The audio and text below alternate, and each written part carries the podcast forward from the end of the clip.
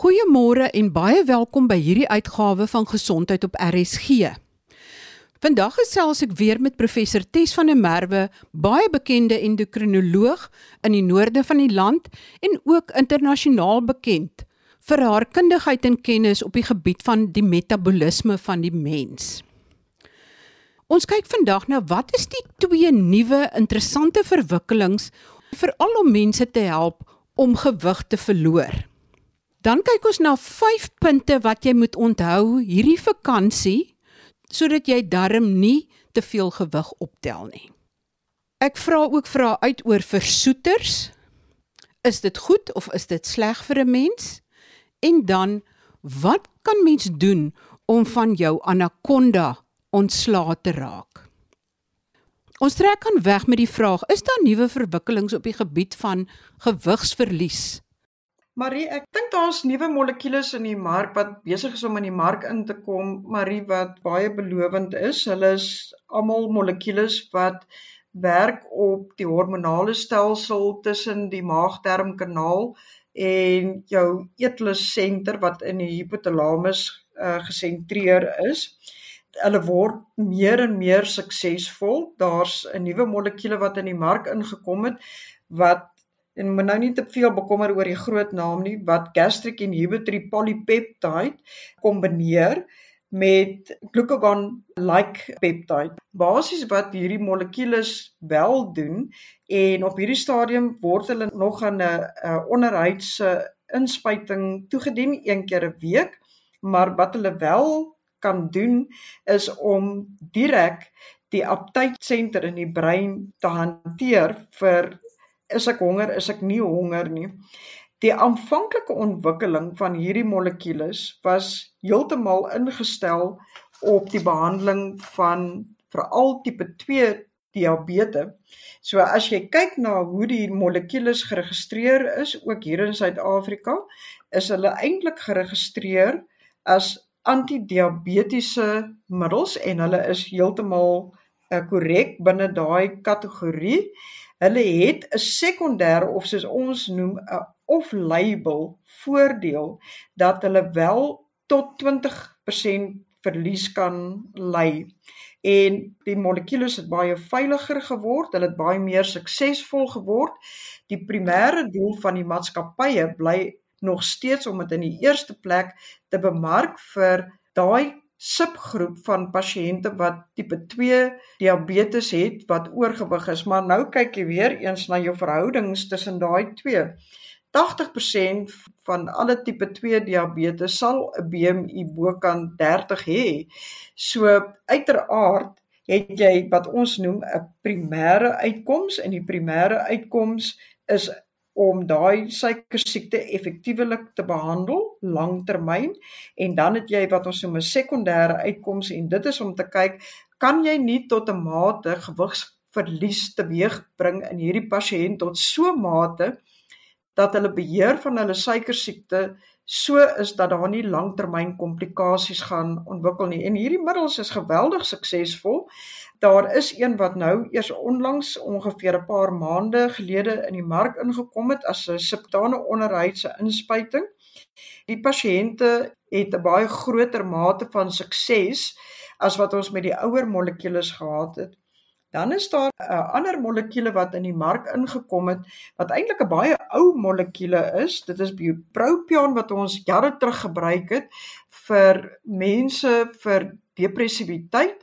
Hulle het op 'n baie intelligente manier die molekulêre trefkrag van daai agent gaan verander en 'n baie beter cellulêre beskikbaarheid gekry met die verandering in die primêre molekulêre bupropion en hy is veral baie suksesvol in mense wat rook, wat wil ophou rook, maar wat dan baie gewig sou opgetel het. Daar's baie van die mense wat vir jou sal sê, ja, ek weet ek moet ophou rook, maar ek is so bang vir daai 10 of 15% gewigstoename.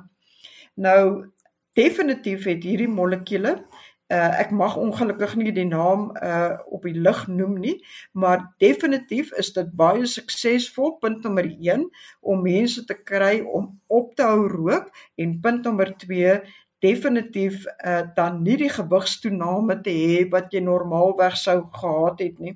En ons sit met 'n molekuule wat baie meer modern is, wat baie minder neeweffekte het as die ou molekuule wat baie naheid en ensovoorts gehad het. So weer eens 'n geweldige suksesvolle molekuule so lank as wat die dokters net weet presies in watter kategorie hy werklik sy trefkrag sal uitoefen die een wat die samestelling van die twee molekules is. Hoekom kry ek die gevoel navorsers probeer amper die effek wat verkry word met metabooliese chirurgie na te boots met medikasie? Daar's geen twyfel daaraan nie, maar as jy kyk na waar het wetenskaplike ontwikkeling gebeur oor die laaste 15 jaar, dit was alles net wat ons geleer het uit hoe het ons so suksesvol geword met metabooliese chirurgie. Hoe het dit gebeur? Hoekom het dit gebeur? Die interessante deel was vir 15 jaar lank het ons werklik 'n moeilike tyd gehad wêreldwyd om nie soseer die hormone en die molekules te identifiseer nie, maar om te kyk presies op watter deel van die brein werk dit nou. Dit was fantastiese werk wat gedoen was hoofsaaklik deur die Deense navorsers waar hulle baie spesifieke metabooliese skanderings gebruik het wat vir hulle amper soos 'n opligting op die skandering sou gegee het dat hulle kon presies volg as hulle dit geradio label het, ek weet nou nie wat is die mooi Afrikaanse woord, maar die radio labeling van daai molekule kon presies gevolg word na die presiese gedeelte van die brein waar ons 'n trefkrag sou kry. Want onthou tot 15 jaar terug, Marie, het ons nie eers geweet dat daar so 'n interessante verhouding is tussen jou maagdarmkanaal en jou brein nie want as jy kyk na jou maagdarmkanaal van jou maag af tot by jou rektum het jy eintlik een groot endokrinologiese orgaan. So jy het eintlik 'n stelsel wat twee funksies het. Ja dit is jou primêre voedingsorgaan hoe anders te gaan ons voeding inkry maar in parallel met dit het jy 'n enorme endokrinologiese orgaan.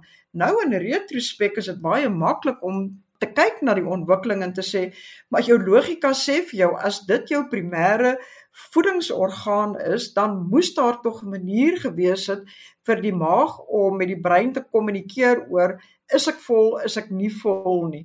Of om te kommunikeer met die pankreas moet ek insulien afskei moet ek nie insulien afskei nie? Of vir die lewer te sê moet ek vet stoor moet ek nie vet stoor nie En in 'n retrospek kom altyd baie wyshede. Dit is 'n feit van die lewe.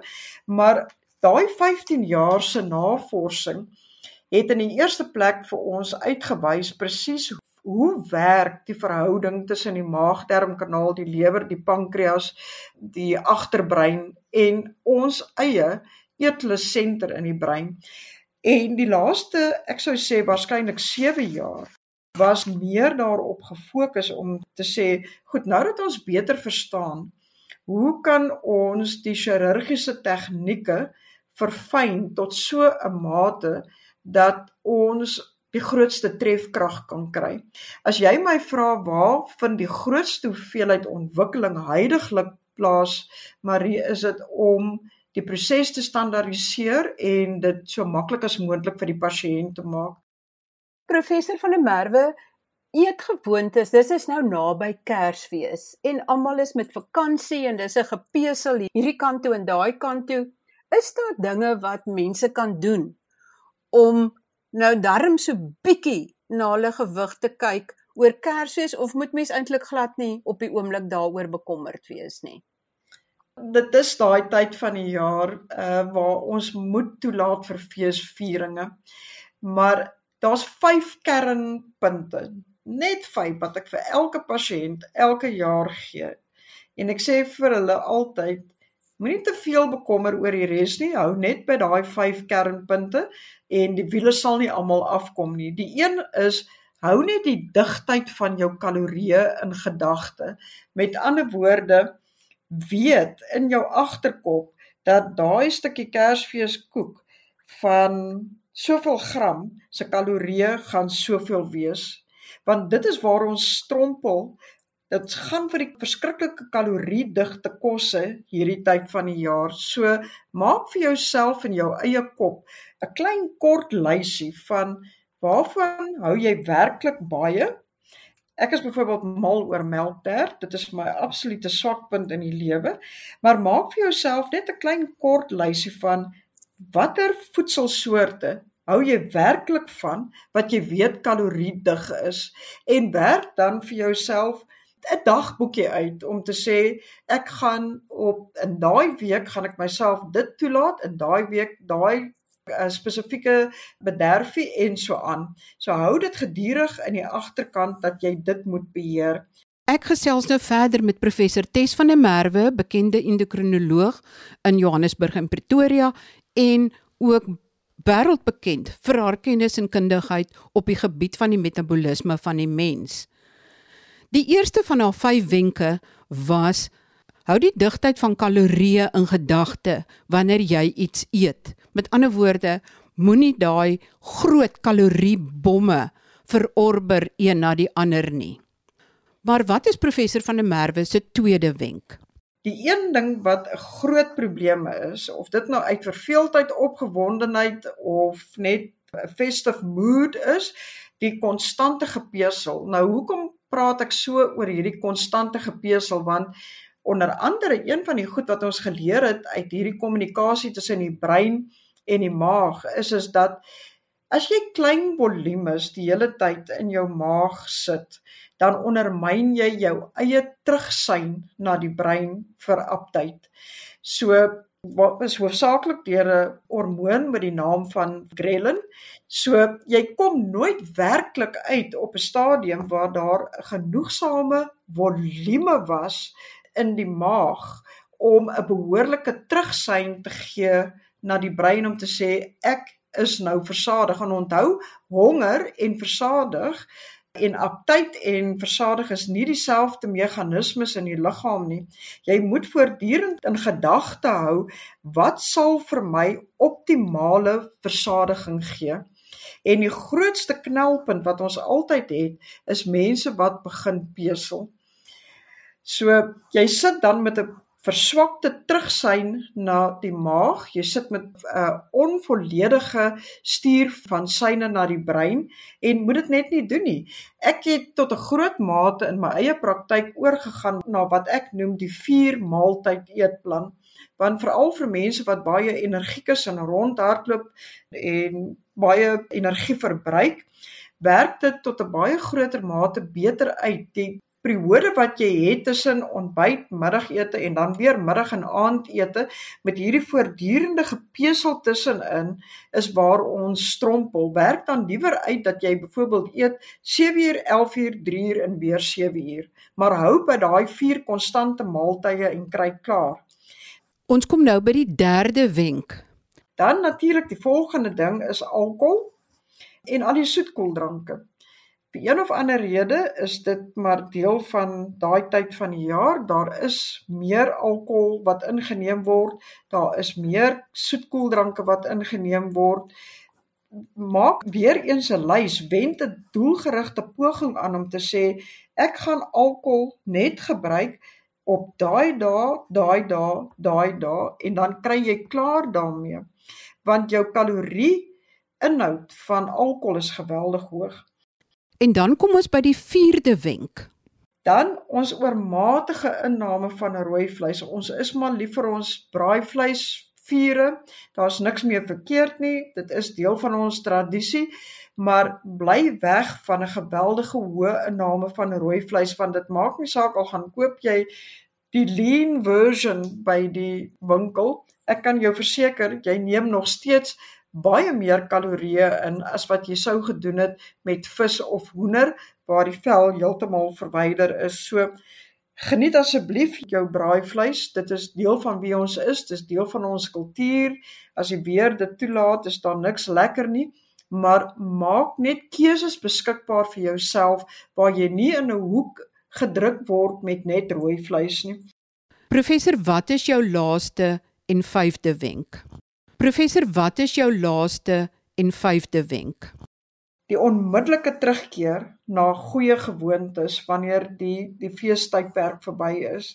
Daar's altyd so voortsleependheid wat nog aangaan tot aan die einde van Januarie. Dit is asof mense verval in 'n groep van swak gewoontes wat hulle die hele Desember toepas. Dit vat nog 30 dae om weer daai abnormale gedrag te verbreek, maak dit 'n absolute beslisste voorneme dat van die 2 Januarie af keer jy met onmiddellike effek terug na dit wat doelgerig is en beter is vir jou gesondheid. En as jy daai 5 kernpunte in gedagte kan hou vir die hele Desember, is jou kop deur. Jy mag dalk 1 of 2 kilos optel, maar 1 of 2 kilos om af te skud is beslis nie dieselfde as 20 nie beslis. Ek is 'n vreeslike soettand. So as ek nou sê maar iets drink, tee of koeldrank of so, of enige iets eet, is dit oukei okay om versoeters te gebruik in plaas van suiker of gee versoeters maar dieselfde effek in die liggaam? Jy kan met die grootste liefde jou versoeter gebruik, maar weer eens nog een van daai goed. Dit was tot 'n baie groot mate was al daai bogstories gedryf deur die suikerassosiasie wêreldwyd om afsetpunte te kry vir die gebruik van suiker en so meer en daar word aanhalings gemaak wat absoluut weer eens geen wetenskaplike gronde het nie. As jy byvoorbeeld kyk, die hele verhaal oor dit gaan kanker veroorsaak was absolute bog. Die studies wat gedoen was, was gedoen op, op rotte en hulle was in die omgewing van 21 liter van hierdie versoeters gevoer voordat daar kanker ontwikkel was. Nou jy praat van 'n rot wat minder as 'n kilo weeg. 'n Mens moet net nie belaglik raak met jou aannames nie. Daar's niks verkeerd met 'n versoeter op sy tyd nie. Daar is beslis niks verkeerd met 'n Cola Zero op sy tyd nie. Hou by die meer gesonde vloeistowwe as jy kan. Hou by vitamienwaters, hou by tee net so terloops. Tee altyd 'n baie goeie idee want baie hoog in antioksidante. Net vir ons luisteraars te laat weet, gewone swart tee, Ceylon tee het 'n baie hoër antioksidant kapasiteit uh, as baie van hierdie gepubliseerde groentee. So Weereens wees ek versigtig vir bemarkingsstrategieë. Daar's geen rede hoekom mense nie hulle tee kan drink nie. Aan die einde van die dag gaan dit net soveel oor die bromied as die kafeïen. En dit is hoekom ons mense aanmoedig om bietjie weg te bly van die koffie af, nie oor die kafeïen nie. Dit gaan beslis oor die bromied inhoud van die koffie. So probeer die koffie beperk tot 1 tot 2 dag, maar as jy een van daai mense is wat voel dat jou dag gepunkteer word deur warm drankies en ek doen dieselfde.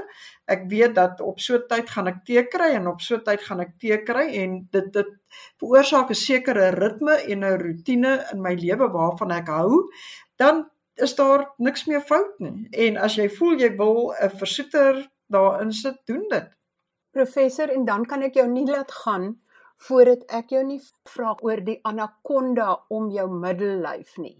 Want Amore het 'n plan om voor die einde van die jaar te probeer om van haar anaconda om haar middellyf ontslae te raak.